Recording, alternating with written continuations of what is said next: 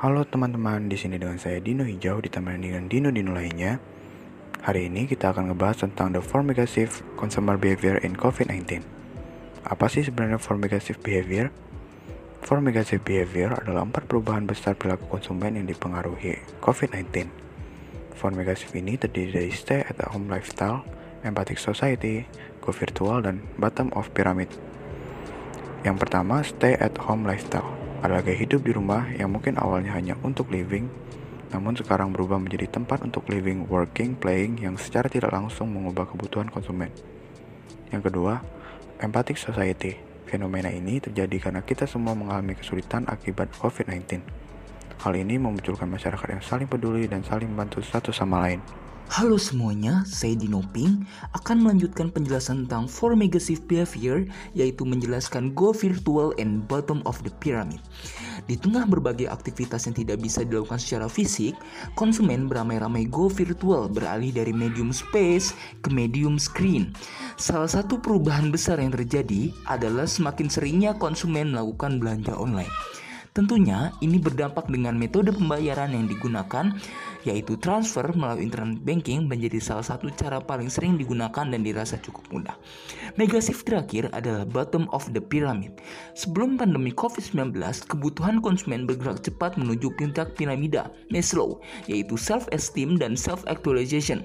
Namun, setelah pandemi COVID-19 menerjang, secara mendadak konsumen dipaksa memasuki era pandemic economy, di mana kebutuhan konsumen berbalik arah dari awalnya go to the top menaiki piramida Maslow menjadi jadi back to the bottom menuju dasar piramida.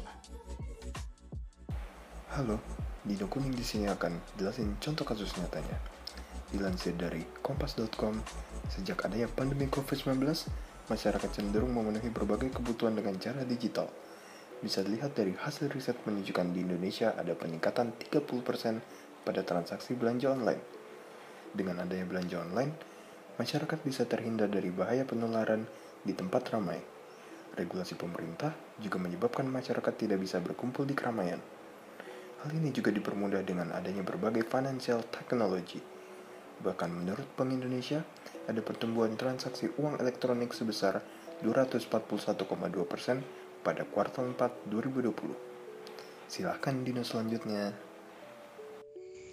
Halo halo hai, kenalin aku Dino Ongo jadi, dampak pandemi yang kian dirasa terlebih pada pelaku bisnis terkait dengan perubahan perilaku konsumen yang mana sebelumnya kita masih bisa leluasa berjual beli di pasar. Sebelumnya belanja online lebih digandrungi oleh kaum milenial karena mereka cenderung suka yang simple. Orang juga belum tentu percaya jika berbelanja secara online, mengingat pembeli tidak dapat melihat langsung dan memegang barang yang diinginkan. Kini perubahan besar terjadi, terlebih adanya PSBB Bukan hanya kaum milenial, tapi generasi baby boomers pun ikut meramaikan belanja online. Di terhadap produk daging, bahan makanan, bumbu ecer, produk sayur dan buah mengalami peningkatan. Diskon, gratis ongkir, cashback, promo tanggal cantik menjadi primadona yang kian dicari. Sekarang Dino Biru hadir yang akan menjelaskan sisi negatif dan positif belanja online ya. Sisi negatif di antaranya kualitas barang yang tidak sesuai dengan gambar, terkadang barang cacat atau rusak ketika dalam pengiriman, sering terjadi penipuan setelah uang ditransfer namun barang tidak dikirim. Waktu pengiriman barang yang cukup lama, banyak toko di pasar tradisional yang gulung tikar.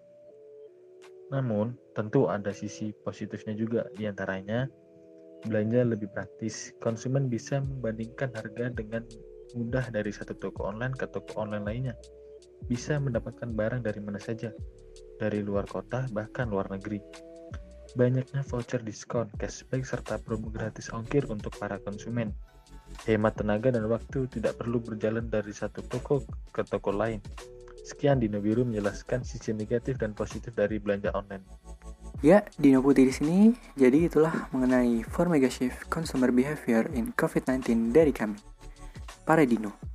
Jika konten ini bermanfaat, jangan lupa like and share supaya lebih banyak orang bisa mendapat manfaat dari channel ini. Terima kasih semuanya.